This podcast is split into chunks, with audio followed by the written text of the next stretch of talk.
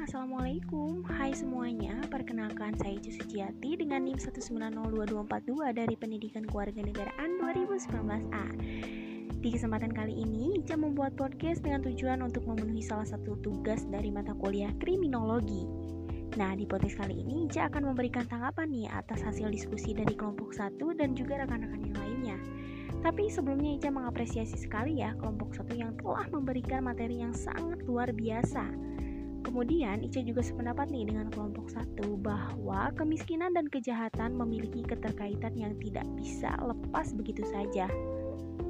Tidak dapat dipungkiri memang bahwa tingginya angka kemiskinan menyebabkan tinggi pula angka tindak kriminalitas. Hal ini karena terdesak kebutuhan yang membuat manusia itu menghalalkan segala cara tentunya untuk memenuhi kebutuhan tersebut, meskipun harus melakukan tindakan kriminalitas. Maka dari itu, penting kiranya untuk memberantas kemiskinan agar mencegah munculnya kejahatan. Adapun seperti yang telah kelompok katakan nih, untuk mengatasi hal ini perlu adanya kerjasama antara semua pihak, baik itu dari pemerintah maupun dari masyarakat itu sendiri.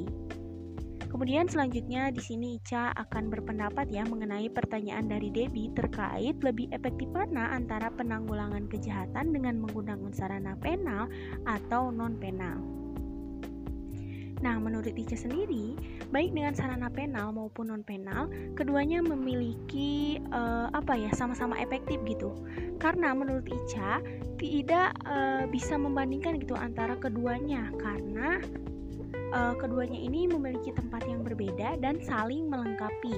Ibaratnya nih, mencegah lebih baik daripada memperbaiki. Tapi kalau sudah terjadi ya tetap harus diperbaiki kan? Artinya, kejahatan bisa kita cegah dengan sarana non-penal yang menitik beratkan pada sifat preventif sebelum kejahatan terjadi.